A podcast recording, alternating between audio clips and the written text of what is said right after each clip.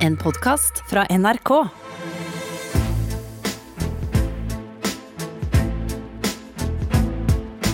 Trump mot verden med Gjermund Eriksen og Sean Henrik Matheson.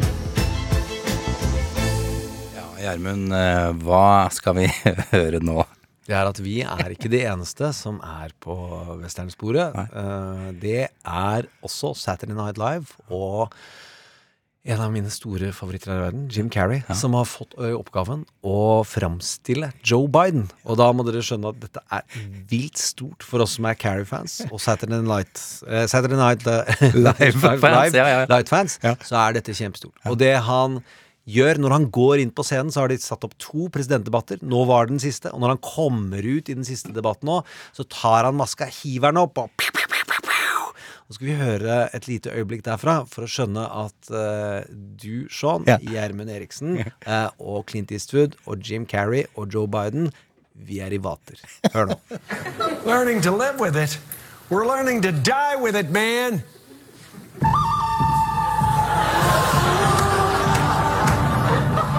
Oh, looks like Mr. Biden is so mad he's Eastwooding it a little bit. That's right. Now I believe the little lady asked you for, about a plan. Why don't you enlighten us? I have a plan. It's the most beautiful plan you've ever seen. Ja da. Eastwooding it. Nei, Eastwooding it er det, det beste noensinne. Eastwooding it, Jeg vil Eastwoode mer ting. Jeg, Ja, og fun fact, Jim Carrey gjør jo en perfekt Eastwood i den første store gjennombruddsfilmen sin, uh, The Mask, hvor han sier Do you feel lucky? Punk! Jeg heter Sean Henrik Matheson. Gjermund Eriksen og jeg, vi ønsker deg velkommen til Trump mot verden. Det er tirsdag i 27. oktober. Det er sju dager igjen til valget. Én uke altså til det står 3. november i kalenderen. Vi har altså daglige episoder nå fram til valget. Helgefri, det tar vi, men bortsett fra det, hver eneste dag. Også onsdag 4. november. Og så kommer vi den fredagen. Ja, helt klart Kommer vi til å grine og mase om at vi får den torsdagen. Ja, ja, kanskje, vi Begynner skal nå. gjøre det. kanskje vi skal gjøre det. Eh, Gjermund, skal vi ta eh, det siste fra de siste 24 timene? Jo, her er det to noe jeg syns er et viktig fenomen, og et ganske kult ord, og som henger på western-metaforen, er weaponizing. Altså at man bruker uttalelser eller fenomener eh, og som dine våpen i den resten av valgkampen. Og der er det to weaponizing-fenomener som har startet. Det ene er en ting vi tar altfor kort i forhold til hvor viktig det er. Donald Trump har fått en ny høyesterettsdommer. Mm. Skjedde i går. Amy Coney Barrett ble Det heter ikke vigslet, men i hvert fall svoret inn.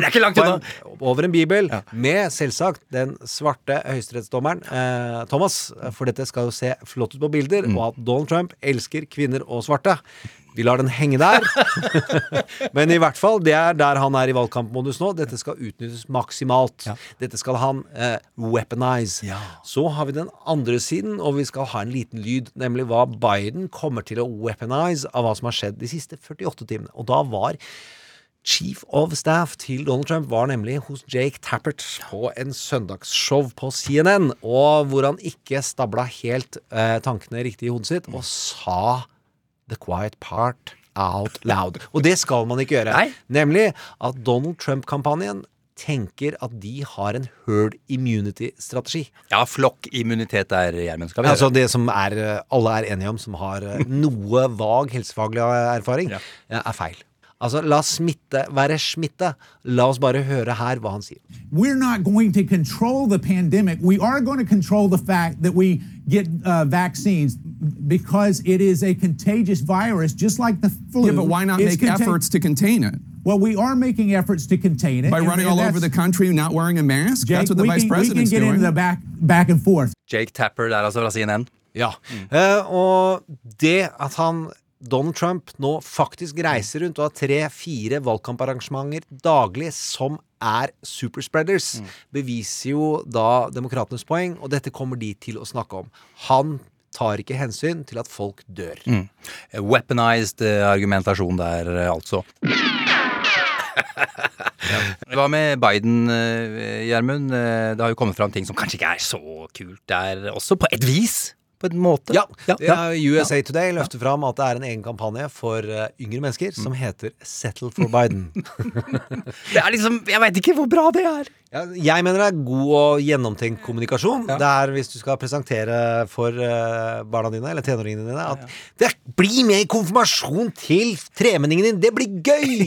Det er ikke Altså, det blir ikke bedre stemning i en konfirmasjon. Du får med deg en uh, ungdom som ikke er motivert, og hvis du kan velge, så er han borte. Ja, ja, ja. Hvis du bare snakker om det. Er hyggelig. Han er i slekta di, ja. og det blir ålreit. Ja. Det tror jeg er mye lurt. Og guttungen setter pris på det, sikkert. Kan man Og- si. og guttungen fortjener det. Ja, ja, fortjener det. Da skjønner jeg det. Jeg skjønner hva du mener. Um, i, I går, Gjermund, så snakka vi om uh, om reiserutene. Uh, Biden har vært i Georgia siden sist. Uh, Harris har vært i Texas. Ja, og det er eh, veldig tydelig signal om at de har selvtillit. Eh, fordi da reiser de til delstater de, ingen forventet at de skulle vinne. Der vi sto i mars. Der vi er nå, så putter de på noen mynter i den satsingen. Eh, og dette er, hvis de vinner valget så vil alle si 'Å, dette fløyt over av selvtillit, og de var så gode og flinke'. Hvis de taper, så er dette en type ting som folk kommer til å skrike om forever. Hvor Akkurat. Hillary dro de siste, den siste uka, det ble brukt mot henne, eh, og blir vel fortsatt det, hvis noen står og drikker hvitvin sammen og sier 'Hvorfor var du der?' egentlig?» Ok, fordi, jeg bare for å si det, Georgia og Texas har jo plutselig blitt vippestater som er helt uh, utenom det De vanlige. er utrolig jevne og uh, ikke sett mye penger på at de går i demokratisk retning. Men at det i hele tatt er aktuelt å sette penger på det, er stort. Uh, det er også senatorer som har begynt å ta ut avstand til Trump.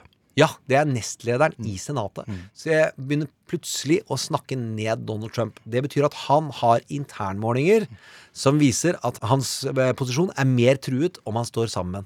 Det sier noe om Trumps manglende styrke i denne senatskampen. Det er vel som om, eh, om spinndoktoren eh, for Erna Solberg, tidligere gjest hos oss, Sigbjørn Aanes, plutselig skulle angripe ja, nettopp Erna. Ja, eh, bortsett fra han ikke var minister. Aanes ligner mer på Lincoln Project. Ja, Hvis han si. Ja, som ja. superstrateg skal begynne å si Erna, i går så snakket vi om uh, Lincoln Project, hvor republikanske superstrateger angriper sitt eget parti. Nettopp dette med Aanes og Erna. Mm. Uh, de har satt opp store boards av Jared uh, og Ivanka, altså svigersønn og datter av Donald Trump, som henger de ut sammen med dødstallene i koronapandemien. Som herjer. Og de har fått søksmål mot seg. Skal vi høre her hva Rick Wilson mente om det søksmålet i gårsdagens podkast. As we're recording this in the middle of the afternoon on Monday, for you East Coasters, the Ivanka billboard is briefly blank. It is only blank right now because they're updating the death toll count that appears on the billboard every day. Enjoy, Ivanka! There are the naysayers who say, you know, New York is a blue state. Why are you doing this? Explain why you're doing this, because I think it's important to be said. Because a big part of our operations, not the biggest, but a meaningful part, has been from the beginning to disrupt the leadership of the Trump campaign and of Trump world, and to cause Donald Trump himself to poop his diaper, and to cause these people to lose their minds. Okay? By pinning down Jared and Ivanka Thursday and Friday of last week, and by distracting Donald Trump for several hours of Friday last week, and by being in his head still all through the weekend and today, we know that this sort of psychological warfare is an element of the campaign that you can't buy. You can't buy this sort of thing unless you are strategically smart about how you deploy it. So it's the eve of battle, and two of the generals of Trump's army have now been paralyzed. Oh, oh, oh, ja, det var eh, lyden eh, for at eh, vi jo skal gå videre. Og denne siste uka har jo vi valgt å, å pakke inn i, i westernsjangeren, Gjermund. Og det er gode grunner til det. Hør på episoden i går. Der starter vi. Men i dag så tillater jeg meg å fortelle litt om hvilke westerner eh, vi må innom. For det er en rekkefølge på ting. Som det alltid er. Ja, selvfølgelig. Ja. Og i går så startet vi med det som var den store kreative utnyttelsen av western på en ny måte, nemlig spagettivestern. Mm.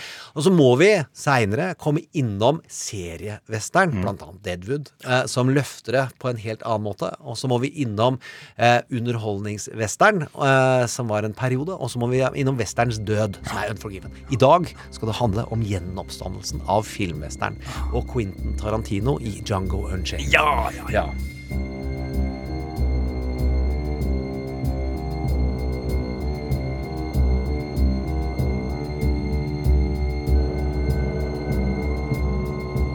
Men først en liten avstikker Ja. om følelser og en veldig viktig tegnefilm.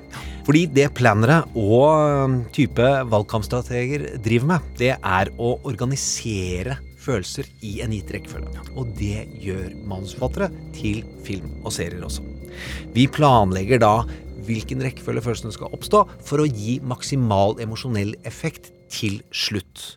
Og der er det jo fem følelser i Inside Out, selv om det finnes flere, og det kommer vi tilbake til på torsdag. Pixar-filmen, ikke sant? Ja, Pixar-film. Ja, Det er sorg, sinne, avsky og frykt som er negative, og så er det glede som er den positive.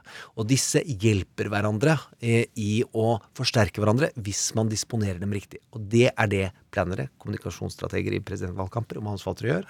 Og så er det et veldig viktig element, det kreative bruken for å oppnå dette. Fordi hvis du ikke utsetter folk for noe nytt, så skaper du ikke en følelse. Hvis ikke du ser noe originalt, hvis det ikke er en, et bud på noe, noe, så er ikke mennesket trent opp til å ta inn eh, emosjonell påvirkning, hvis det bare kommer sånn som du alltid har sett. Se for deg Zalo-reklame nummer 470, hvor denne lasagnen sitter fast. Ja, ja, ja. Meningsløst. Ja, ja. Uansett, Django Unchained skjønner det. Han vil tilføre noe kreativt til en veldig kjent sjanger. Fordi det er en klassisk western. Den er som den gode, noen og grusomme, men det er mye mer. Det er tilført noe nytt. Det er svart hovedrolleinnehaver som skal bli en helt gjennom fortellingen. Og vi kan ikke gå gjennom alle originale valg om hvordan alle scener er både det du har sett før, og noe nytt, men det er eksempel rappmusikk. Og det er eh, ble løftet fram som oi, dette har vi ikke sett før i denne sjangeren, dette er ikke brukt riktig.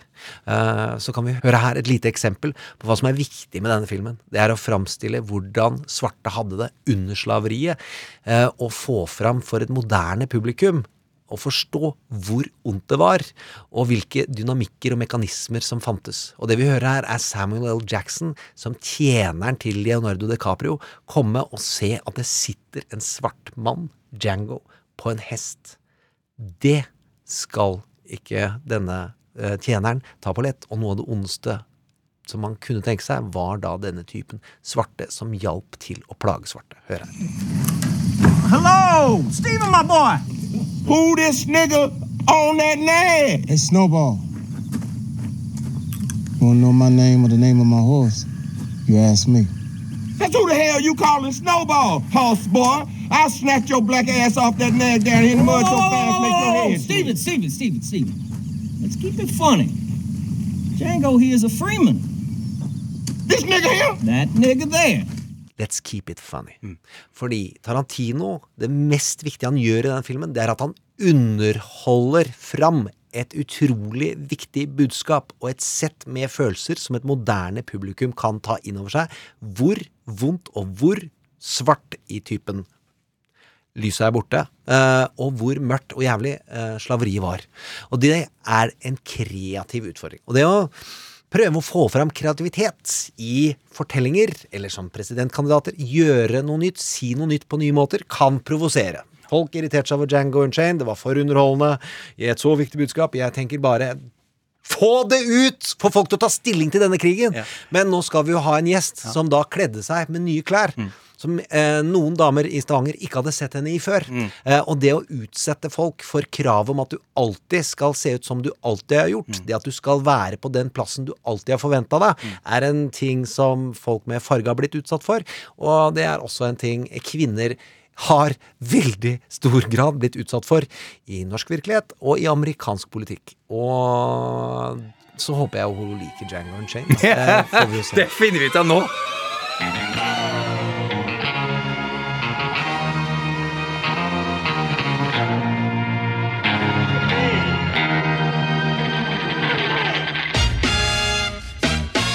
Am I wrong? Cause I wanna get it on till I die. Am I wrong? Cause I wanna get it on till I die. Get it on till I die. Get it on till I die. Y'all, y'all remember me? Y'all, y'all remember me? Trump mot verden. Å, der satt den! Der satt den. Velkommen, Hadia Tajik. Tusen takk. Journalist, jurist, aller mest kjent som politiker, nestleder i Arbeiderpartiet, tidligere kulturminister. Det er stas at du har tatt deg tid til å være med. Hvilket øyeblikk fra amerikansk politisk historie er det som, eh, som har brent seg inn eh, i ditt eh, minne aller mest? Det er 8. november 2016. Eh, Det er eh, altså den, den natta, den kvelden eh, Trump ble valgt. Men selve øyeblikket som vi da ikke får eh, ut av hodet, det er det faktum at Hillary Clinton til slutt ikke engang klarte å gå ut på um, The Javits Center, som var arenaen de hadde da uh, booka for kvelden. For det skal visstnok være en plass der det er et sånn kjempestort glasstak, og det sym symboleffekten av det skulle være så enorm at hun da kom ut der uh, og skulle ha vunnet dette presidentvalget og knust glasstaket en gang for alle. Uh, og hun gikk ikke engang ut. Nei. Fordi det var så forferdelig mørkt, det som skjedde. Det kalles også den internasjonale fosterstillingdagen, hvor vi alle lå. lå valgte å bli hjemme og ligge og gråte. Jeg vet ikke om det gjaldt alle, men Ja, jeg kjenner noen som gjaldt- jeg, jeg kjenner veldig mange som hadde det sånn. Hvis vi skal gå til film og, og fiksjon da, og TV og sånn, som vi er opptatt her i, i Trump mot verden, er en eh, TV-serie, en film som handler om politikk, amerikansk politikk, som du eh, har lagt merke til, eller som du liker spesielt godt? Ja, og det er øh, faktisk ikke de si, mest um, seriøse filmene eller seriene om uh, amerikansk politikk jeg liker aller best. Jeg må innrømme at den jeg liker best, er Veep. Oh, ja, den er jo helt nydelig. Jeg, jeg syns den er smertefull. Jeg, jeg, jeg, den klarer faktisk jeg. Jeg klarer klarer jo ikke ikke The Office, for det er vanlige folk. Mens uh, Veep, som tar eh, politikere på alvor, og politisk hverdag på alvor, med brodd, det er helt fantastisk. Og den blir bare bedre sesong for sesong. Det syns jeg òg, men jeg blir fortalt øh, av folk som ikke er så interessert i politikk, at den fremstår litt intern. Eh, og det kan jo hende, det, altså, men jeg bare Altså, eh, arbeidsrelasjonene mellom denne vice president og de som jobber tett med henne, jeg bare syns det er så gøy. Men kjenner du deg igjen i det som foregår der? Du, jeg har fått de som jobber med meg, til å se Veep. Ja, men det er veldig bra. Men det, du må huske på Ja, du er sånn! Du er sånn, Hadia! Får du den beskjeden, eller? det, gjør, altså det, det seiler jo inn problemer dere ikke visste om, på bordet, eh, levende rett foran deg, og som dere må takle, og hvor de er, ikke bare er A1-problemer. Nei, det er helt riktig, det. Og det, det, det jeg òg syns er litt så fint med den serien, er at eh, selv om det er tøys og det er, er litt sånn karikert, så er det et element av sannhet i all humoren i VIP. Ja, det er det. Ja, dessverre. Gjenkjennbart. ja, det får jeg nesten si. Gjort, Det er det er gjort målinger i Representantenes hus eh, blant både politikerne og de som jobber der, og den som de kjenner seg mest igjen i, er VIP. I House of Representatives så er det mange hvermannsener som aldri skal bli kjent, og hele partiet deres vil ikke at de skal bli kjent, og de får sånne småproblemer som uh, VIP-dama får ofte. Og du er jo tross alt en vip i Arbeiderpartiet, Hadia. de tok- det er ikke til å komme fra. Det er ikke til å komme fra. Det er muligens eh, et ord uh, som står aller høyest og og sterkest, uh, ja, jeg vil si i alle leirer og ender av den politiske skalaen i USA, uten at vi skal sette deg på prøve her, Hadia. Hva kan det være? Jeg antar at det er freedom. Yes! Freedom, frihet. eh, Og det er jo også en bok eh, du har skrevet som heter det. Vurderte du noen gang tittelen, har vi lurt på i dag, Hadia Unchained? Og jeg burde jo selvfølgelig det. Ja. Altså, jeg innser at det eh, ville gitt boka en helt ny dimensjon. Altså, Unchained, Unchained er jo eh, frihet i seg sjøl, Ja, ja. symbolisert. Men der sa du det de egentlig ønsket til, til debatten, var jo den Freudian slip, unchanged. Men la oss ta Django inn eh, og sette, gå inn i amerikansk politikk. Ja, vi, vi gjør det. Django, Django, have you always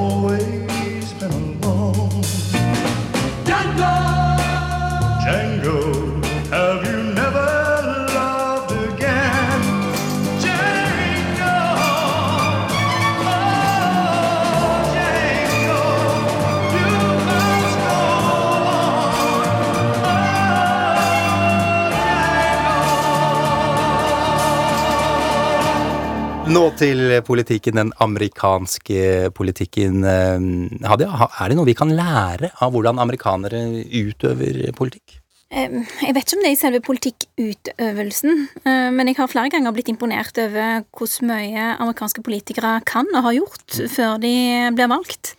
Eh, Mange av de har enormt mye arbeidserfaring. eh, Mange av de har eh, akademisk erfaring. eh, Men kanskje det som imponerer meg aller mest, er hvor mye organisatorisk erfaring mange av de har. De har drevet mye frivillig arbeid i lokalsamfunnene sine, og det er en enorm kompetanse å ta med seg inn i det politiske arbeidet. Og Jeg husker jeg så en dokumentar om Condoleezza Rice sin vei mot toppen, og der jeg bare ble helt blåst i bakken av hvor mye erfaring hun har gjennom sitt liv fra ulike deler av samfunns-, arbeids- og organisasjonsliv, eh, og som har eh, brakna der hun er. Det var utenriksministeren i Bush-regjeringen, var det ikke det? Hvis jeg Jo. ikke tar helt feil, ja. Riktig. Jeg kan ta jo en kjepphest, at det er jo mulig å komme inn fra utsiden eh, og komme til toppen mye raskere i amerikansk politikk enn det er i norsk. Uten at vi behøver å diskutere fordelene og ulempene med det. Men er det noen forbilder? Altså som Hvis vi tar bort Barack Obama, som det ikke bør finnes et levende menneske som ikke har som forbilde, fra amerikansk politikk som har vært særlig inspirerende? Um, uff, hvorfor er det ikke lov å si Barack Obama? Det er lov å si det! Altså, vi har gjort det, vi har gjort det hver, hver dag. Altså Det jeg syns er ekstra fint med hans historie, er eh, Altså, du hører undertonen av alle de gangene han i løpet av livet sitt har blitt fortalt Mm. at dette kan du ikke gjøre. Dette er ikke plassen din. Dette er ikke plassen din. Og du kommer ikke til å få det til. Du heter Hussein. Altså, Mm. alt det som folk har fortalt han som egentlig ville vært egnet til å holde han tilbake, men som allikevel har, han har klart å eh, bryte igjennom, og klart å være en representant for så mye mer og så mye eh, mange flere enn eh, det man har tillagt han muligheten til å kunne være. Da. At du representerer bare en eh, altså, altså en, en smal del av befolkningen, og så klarer han likevel å være en såpass samlende president. Da. Ja, etter, te- eh, hvis man skal være noe kritisk og nyansert i forhold til Barack Obama, Nei, så, er jeg kun, så er jeg kun sikker på at han i hvert fall er den største presidenten etter andre verdenskrig. Ja! Eh, Gjermund, er det andre, andre mennesker du har lyst til å dra fram som, som gode for, forbilder? Eh, Jeg syns jo Vi kan snakke om det når vi skal snakke om retorikk, og vi skal jo snakke om kvinner i politikken, og der er det flere som har uh, fått uh, slegger i ansiktet, og som har tatt med seg slegger og slått tilbake. Jeg gjerne har lyst til å lufte litt for eh, Hadia. Ja, jeg er på fornavn, hvis det er greit. Ja, det er kjempefint. Ja, men Kan vi ikke bare gå til, eh, til kvinnen, da? Jo.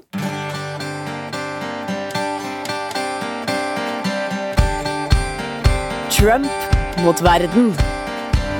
You got your reasons, I got my wants. Still got that feeling, but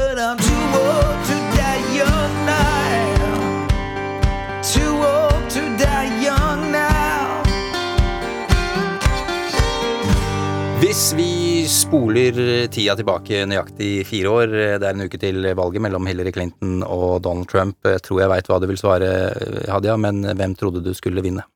Nei, jeg trodde jo det var Hillary Clinton. Og det handla jo bare om at jeg tenkte at det, det må jo være den demokratisk anlagte, hardtarbeidende, kvalifiserte som vinner. Det, er på en måte, det er jo på en måte sånn det skal være. Ja. Og så var det ikke sånn. Eh, Du har jo sagt Fra meritokrati til kjendisokrati. Uff a meg. Eh, Du har jo sagt mange ganger, eh, Gjermund, og mange er enig med deg i det, eh, at det stilles andre krav til kvinner i politikken enn en menn. Hva mener du om det, Hadia? Eh, Ja, det blir det. Selv om altså, vi har kommet en lang vei. Det, man, man, handlingsrommet for damer i politikken, enten det er i norsk eller amerikansk politikk, har jo blitt større. Eh, Men òg i Norge i dag så forventer man andre ting av damer enn det man gjør av menn. Og hvilke ting er det? Ja, ikke sant? Hva, hva, hva, ja, jo, jo, du må si det! Du må si det. Nei, det kan handle om klær, da. Ja. Altså, det kan handle om hvordan du framstår. Mm.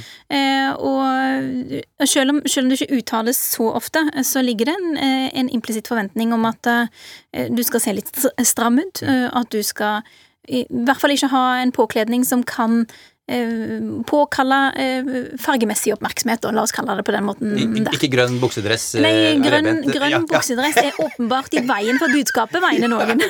Det har vi fått med oss. Ja, eh, Vi sender ut en egen podkast om hva vi mener om det. Men eh, det vi har pekt på, er jo hvordan Hillary sin strenghet, og hvordan kvinner kan ikke være kalde. Og du ser hvordan annet Kamala har vært nødt til å lansere seg som varm. Eh, Mm. For, mot et bredt publikum. Fordi det du går inn med autoritet og myndighet som mannsperson Å, så good on you! Ja, og mitt Ronny.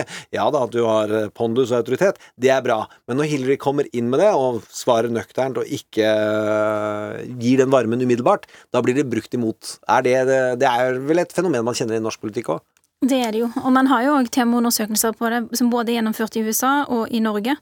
Altså Der man tester ut hva er det folk mener, hvis de, blir, hvis de får høre om en kvinnelig leder som har oppnådd masse ting og vært veldig driftig og i det hele tatt. Eh, og så får høre samme historien om en mann som har eh, gjort omtrent de samme tingene. Eh, og det viser seg jo at selv om den historien man forteller om den kvinnelige lederen og den mannlige lederen er akkurat den samme, så foretrekker veldig mange heller den mannlige lederen. De sier om kvinnen at hun er sikkert dyktig, hun, men hun er sikkert ikke så grei. Hun er ikke så kul å henge med. Jeg har ikke lyst til å ta en øl med henne. Vil mye heller ta en øl med han fyren, han virker så hyggelig. Selv om de har gjort akkurat det samme. Hva tenker du om det? Jeg tenker at det illustrerer veldig greit eh, de doble standardene vi har eh, for eh, damer. Du skal ikke bare være dyktig og kompetent, på lik linje med dine mannlige kolleger og motstandere. Du skal i tillegg ha dette elementet av eh, varme og nærhet og medmenneskelighet. Jeg syns du er flink nå, forresten. Dette har vi AOC, altså øh, denne kvinnen, øh, hadde like farger som du hadde. Hvorfor det, holdt jeg på å si? Eller hva, hva tenkte du der? Eller dere? Ja, nei, grønt er jo moteriktig. Ja, det er, det er mote! Så enkelt er det! Ja, ja, ja. Det er ikke verre enn det. Forsida til boka di har jo eh, Folk har jo sett at det ligner på noe eh, hun gjør. Hun sitter i en trapp. Tenkte, Visste dere om det på forhånd, eller er det ting du har, dere har oppdaget i ettertid? Altså, Mange politikere har sittet i en trapp, og alle bilder av mannlige politikere ligner jo på hverandre. De har jo på seg marineblå dress eh, og har kortklipt sveis alle sammen. Hva da har de herma etter hverandre? Og så har du to politikere, begge mørke i huden og mørkt hår, og så sitter de i en trapp, og så tenker man at det det må jo være et slags slektskap. Altså, det er jo hyggelig for meg, da, for uh, Cortez er jo en fantastisk politiker. Ja. Uh, og et, uh, jeg tror et forbilde for mange. Men eh, come on, liksom. Ja. ja, Barack Obama sitter også sånn på forsida av boka si, bare at han, det der er kameraet vinkla litt annerledes. Eh, Litt det er jo er garderobeposituren. Men, De noen, men noen vil si at eh, posituren som jeg sitter i, ligner mer på hans eh, bokforside enn eh, på eh, Cortes sin eh, trappesitting. Eh, vi må bare si at eh, vi har jo bare sagt eh, AOC, bortsett fra deg som sier Cortez, eh, og det er jo Alexandra Ocasio Cortes vi snakker om. Men kan jeg si en liten kul ting til om henne? Og Ja. det er at Hun er veldig bevisst på symbolbruk. Mm. Eh, og for eksempel det med at hun ofte går med sånne hoops, altså sånne store øreringer, og i seriøse sammenhenger, og at hun gjør det helt bevisst fordi i, i det miljøet hun har vokst opp i, så er det vanlig å gå med hoops. Ja. Selv om liksom, den aksepterte eh, sosiale normen for hvordan kvinner skal fremstå i eh, seriøse stillinger, er at man ikke har på seg de øredobbene. Hun viser hvor hun kommer fra. Ja. Og det trenger hun om dagen, for hun skal vinne gjenvalg. Ja. Altså, formidlingsevnen hennes syns jo Har jo imponert meg. Hun er jo til venstre for meg politisk. Eh, jeg er jo passivt aggressivt medlem av Arbeiderpartiet. Det har ikke vært mye interaksjon, interaksjon der. Men så- fornøyd. Nettopp. Men uh, hvordan ser du på henne? En ting er de kommunikative evnene, men også som politiker. Ja, altså sånn politisk, hvor, hvilket landskap hun går i. Hun er jo si, noe av det nærmeste man kommer en slags sosialdemokrat, kan du si, Ja. i amerikansk politikk. Jeg syns det er imponerende hvilken arbeidskapasitet det er hun har. Mm. Uh, hvis jeg skulle vært litt kritisk, så skulle jeg gjerne sett litt mer innhold til uh, Green New Deal. Det er jo ikke bare hennes skyld, men hun er jo en av frontfigurene på det. Jeg håper å si, vi vil jo alle ha en Green New Deal som får alle med, og som bidrar til en rettferdig klimapolitikk, men substansen i det eh, som utøver de gode fortellingene om hvor viktig det er, hvor mye det betyr for folk fattig og rik, Mm. det gjenstår fortsatt å få på plass. Mm. Hva med de kommunikative evnene? Altså det, I Representantenes hus så er hun enorm kapasitet i avhørsteknikkene Ja. av folk som kalles inn, samtidig som det er en ganske lav standard, tydeligvis, hun konkurrerer med. Men hun har da retoriske evner som uh, vi, vi ikke har sett i, den, uh, i det huset på en stund. Det syns jeg er så inspirerende og kjekt å se.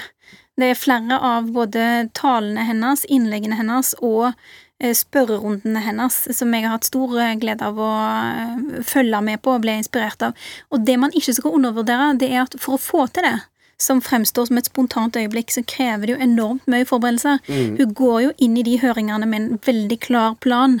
Og da har du på en måte sett for deg ikke bare hva du har tenkt å spørre om, men hva du vil ha ut av den situasjonen. For da vet du akkurat hva du skal gå og bore etter, og hva du skal la gå. Hva, hva tror du blir visepresidentkandidat Kamala Harris eh, sine største utfordringer framover? Det, kan, det kan jo handle om ikke sant, eh, kvinne, minoritetsbakgrunn osv., men, men hun bærer jo òg en politisk bagasje som jeg tror nok kan bli brukt ganske mye mot henne. Hva tenker du på da? Eh, og da tenker jeg kanskje spesielt på den rollen hun har tatt eh, som Hva er det det heter? General Attorney Justisminister. eh, i California. Ja. Eh, der det nok er mange som mener at eh, hun lot være å ta en del nødvendige eh, reformgrep eh, som ville hatt betydning for justissystemet i California. Hun var har hard mot de svarte. Ja, Ja, ja, vært unnvikende, rett og slett. Ja, ja, ja. Du Hun sa- håndheva Barack Obamas justispolitikk. Gjorde hun jo. Ja. Så det Du skal dra ned Obama i dag, du. Nei, ja, ja, men Barack Obama, greit, hvis man skal ja. ta noe for noe, Ja. så er det jo at han ikke implementerte en formildende justispolitikk overfor eh, folk med døm, eh, dømt på milde narkotiske straffer i USA, som er, det er vilt fylt opp, og til og med Grover Norquist, nå snakker vi noe av det mest til høyre i det republikanske partiet, han er for å ta et ta et tak, men fordi Barack Obama er den han er, og er svart, han kunne ikke gjøre det mot sine egne. Så jeg er veldig tilgivende overfor det. Eh, Hadia, eh, du og Harris på et vis har jo relativt lik bakgrunn. Altså kvinne, minoritetsbakgrunn. Eh, Og hvordan- visepresident. Og vise- og visepresident. Helt riktig. Hvordan forholder du deg til det, Hadia? Nei, altså jeg tror eh, Det viktigste er å ikke være så opptatt av det sjøl, men samtidig være klar over at det er mange andre som er opptatt av det. Og det det betyr, er at eh, i noen sammenhenger så kan bakgrunnen min, eh, eller det at jeg er kvinne, skygge for budskapet. eh, Og at jeg må ha et ekstremt bevisst forhold til det. Det regner jeg med, uten noen sammenligning for øvrig, at Kamala Harris òg må. Men hvordan, hvordan er det i praksis? Um, det kan f.eks. bety at la oss si da, hvis jeg er Barack Obama, eh, vi kan leke det, eh, og jeg skal gjennomføre endringer i the justice system, eh, så kan jo anklagen om at eh, nå, nå lemper du på disse straffereglene for å hjelpe dine egne, den vil jo ligge lett for veldig mange. Og da må du bruke rett og slett litt grann tid på å tenke hvordan kan jeg gjennomføre det jeg mener er politisk riktig, på en måte som gjør at man ikke kan bruke bakgrunnen min mot meg. Altså Da kan det hende at det er en del andre ting du må gjøre først, sånn at du får på en måte forberedt grunnlaget for at det er en politisk aksept for at du gjør det du egentlig ønsker å få til. Skal vi høre Kamala Harris i hvordan hun tilnærmer seg denne virkeligheten om dagen? Hun er på et Fox-intervju og blir spurt eh, et relativt ledende spørsmål. Hør hvordan Kamala Harris da møter det. What I will do, and I promise you this, and this is what Joe wants me to do, this was part of our deal. I will always share with him my lived experience as it relates to any issue that we confront. And I promised Joe that I will give him that perspective and always be honest with him. And is that a socialist or progressive perspective? no. no, it is the perspective of, of a woman who grew up a, a, a black child in America, who was also a prosecutor, who also has a mother who arrived here at the age of 19 from India, who also, you know, likes hip hop. like, what do you want to know? Jeg har tro på humør som hersketeknikk. Men det funker, det, altså. Jeg anbefaler det sjøl òg. Rommet for å være streng som kvinne er jo, opplever jeg litt mindre enn for en del mannlige politikere. Eh, Så når man blir utsatt for usaklige angrep, så er det å forsøke å ta det med lave skuldre og humor eh, den beste motreaksjonen. Men er det frustrerende? Er, det, er det rettferdig, på en måte? Altså, Altså, Det går an å velge å ta det på to måter. Den ene måten det er å gå hjem og være lei seg og tenke eh, 'uff a meg, jeg blir så urettferdig behandla'.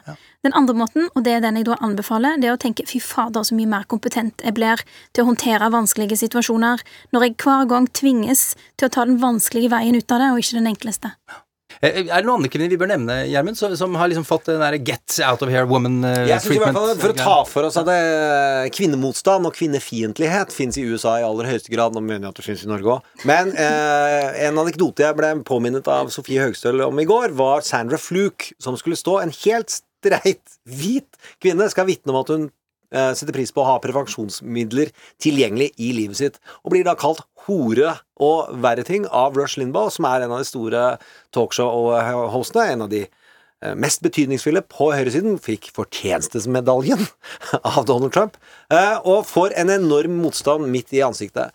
Så har vi Nancy Pelosi, som jeg syns da er tilbake til det du sa, om hvordan vinne med klokskap.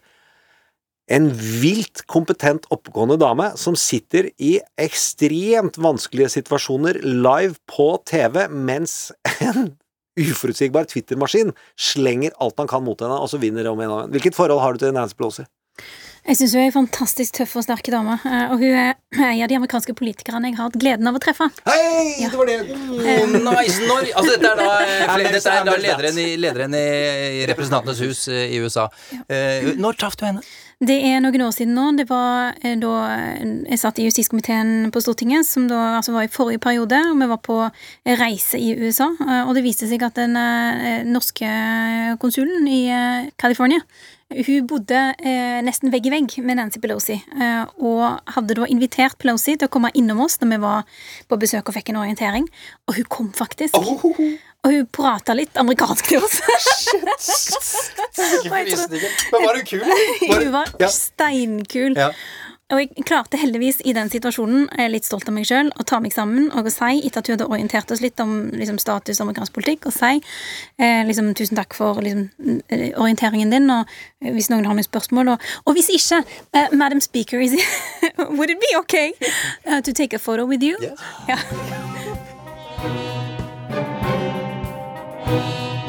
Trump mot verden med Gjermund Eriksen og Sean Henrik Matheson.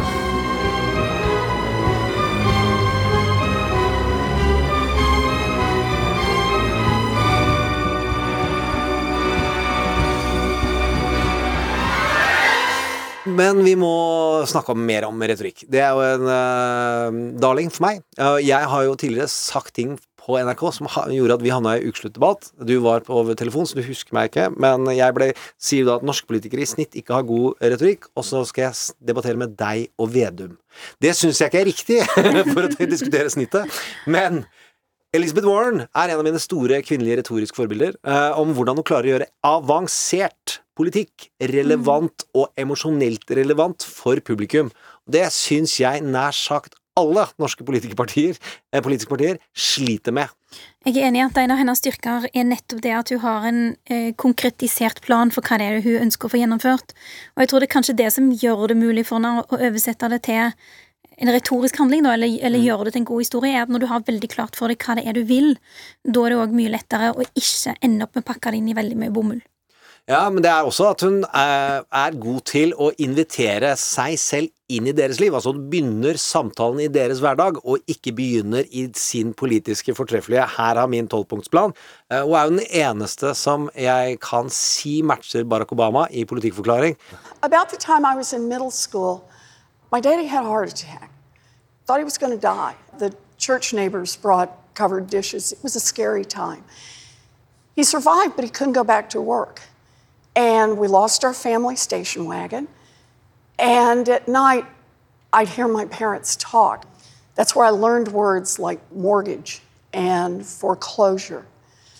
I remember the day that I walked into my parents' bedroom and laying out on the bed is the dress. And some people here will know the dress. It's the one that only comes out for weddings, funerals, and graduations. And my mother's in her slip, and she's stocking feet, and she's pacing back and forth, and she's crying. She's saying, We will not lose this house. We will not lose this house. She was 50 years old. She'd never worked outside the home. She was truly terrified. And I watched her while she finally just pulled it together, put that dress on, put on her high heels, blew her nose, and walked to the Sears and got a minimum wage job. And that minimum wage job saved our house, but more importantly, it saved our family. Jeg vil holde fast til at det er når du har klar, tankens klarhet, at du klarer å gjøre akkurat det der. For da klarer du å fortelle hva du vil med politikken din fra flere dimensjoner. Da kan du gå ut og si Mm. dette det betyr for deg og ditt liv, dette betyr det for dette lokalsamfunnet, dette betyr det for, eh, fra dette perspektivet. Mm. Det er nettopp fordi hun er så gjennomtenkt at det lar seg gjøre. Vi har lyst til å snakke om, om, eh, om Trump som eh, politiker, som han jo eh, tross alt eh, har eh, blitt. Og Hadia, du har vært stortingsrepresentant, statsråd, politiker eh, veldig lenge. Eh, Når du ser hvordan eh, Trump har eh, styrt butikken, for å, for å si det sånn, hva mener du er det mest absurde han har gjort så langt? Det går jo ikke an å rangere det. Altså, hva skal man si? Er det den evinnelige tvitringa? Det er jo ikke det. det. Det er den hatefulle retorikken. Det er det at han aldri klarer å ta avstand fra høyreekstreme, eh, fascistiske grupperinger med ikke bare voldelige tendenser, men som på alle måter ser ut til å ha både vilje og evne til å gjennomføre voldelige handlinger. Altså, jeg bare syns det er helt groteskt. Det er ikke sånn at det er good people and bad people on both sides. Altså, du må kunne ta moralsk stilling til ting. Og det er viktig at politiske ledere gjør det. Amerikansk politikk amerikansk kultur, eh, amerikansk populærkultur, har jo på mange måter forma den vestlige verden, og, og sikkert òg andre lands sin kultur, da. Eh, og på en måte vært med på å sette litt sånn dagsorden for hva slags strømninger det som beveger seg òg i andre land. Så jeg er dypt bekymra for hva eh, det at Trump eventuelt blir gjenvalgt i USA, kan bety for politisk retorikk eh, og for, altså, for demokrati og valg i andre europeiske land, eller andre demokratiske land. Eh, Hvis han ikke blir valgt, kan det hjelpe på den eh, litt skumle prosessen du, du snakker om der, Hadia? Nei, ja, altså Hvis han ikke blir valgt, Mm. så tror jeg at vi snarere tvert imot vil kunne oppleve eh, en annen type bølge eh, av håp eh, om forandring. Nettopp, eh, og at det faktisk går an å stå opp mot eh, altså politikere som forfekter til dels fascistiske syn. Det er en høyrepopulistisk vind, og det Steve Bannon kaller white nationalism, som feier over Europa også. Eh, hvordan kan man ta i tu med den? Nei, hvis det fantes et enkelt svar, så Ja, ja, lover jeg at jeg hadde gitt det. Eh, Men jeg tror jo for eksempel at politikere som er demokratisk anlagt, eh, ikke må være redde for å snakke om at de er glad i landet sitt, hva de vil for landet sitt. Eh, ikke være redd for å snakke om nasjonale fellesskap på en inkluderende patriotisk måte, og ikke en ekskluderende patriotisk måte, sånn som Trump og veldig mange andre gjør. Eh, Hadia, eh, vi skal eh, runde av. Eh, hvordan, eh, hvem tror du vinner valget? Nei, jeg, jeg krysser jo fingrene for, for at eh, det blir de med den hvite cowboyhatten, da. Ja, ja. Eh, Biden og Harris. Yes, hvite cowboyhatten, Gjermund! Nettopp. Ja. Eh, Hadia Tajik, tusen takk for at du var med i Trump mot verden. Sjøl takk. Som Odysseus til slutt kom hjem til en siste kamp for å redde kone og barn, slik William Wallace på vegne av Skottland måtte gå til sitt siste slag. Slik er deres reise snart over. En ørkenvandring over tre år. De har slåss mot skorpioner og slanger og er uten vann. Slik Crazy Horse sa, Okahei, it's a good day to die, når han skulle kjempe for at hans verden skulle overleve. Mot overmakten. Det har for så vidt jeg allerede sagt. Vil du ta over? Jeg er også stemmen til NRK. Dette nærmer seg slutten. Vi er NRK. Jeg mente bare Vi skal samle landet, vi skal gå foran som gode eksempler. Greit. La oss gjøre det sammen. Det er nå siste dager før valget. De er i ørken, og de har brent klærne for å holde varmen om natten. I dramaet Trump mot verden så skal det avgjøres. Vinner, Vinner verden, så er det hoka hei, a good day to die. Og vinner Trump, så er det tilbake til ørken. nakne og uten vann i fire nye, år. Men da har verden en podkast.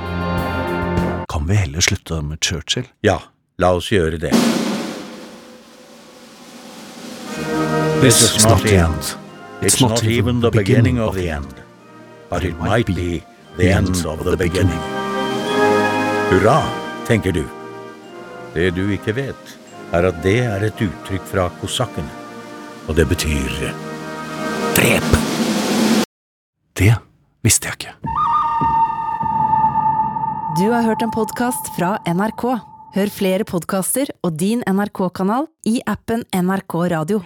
En podkast fra NRK. Hva med en podkast som plukker ut de viktigste nyhetene for deg? Både fra Norge og verden. Og som snakker om dem på en sånn måte at du ikke klarer å la være å høre på. En snarvei til skikkelig peiling. Hør nyhetspodkasten Oppdatert Med meg, Ragna Nordenborg. i appen NRK Radio. Ja, nå til politikken. Den, den hadde Den hadde politikken. Du kan få prøve på ny. Dette er et sånn typisk øyeblikk.